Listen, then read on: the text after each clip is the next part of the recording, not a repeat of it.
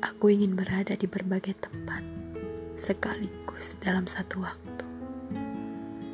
Aku ingin memeluk ayah ibuku, bicara pada adikku tentang kekhawatiran yang tak seharusnya ia rasakan. Aku ingin menyaksikan kehidupan teman-temanku berlalu, menemukan cinta keliling dunia. Aku ingin waktuku penuh oleh individu dan matahari yang mereka pancarkan.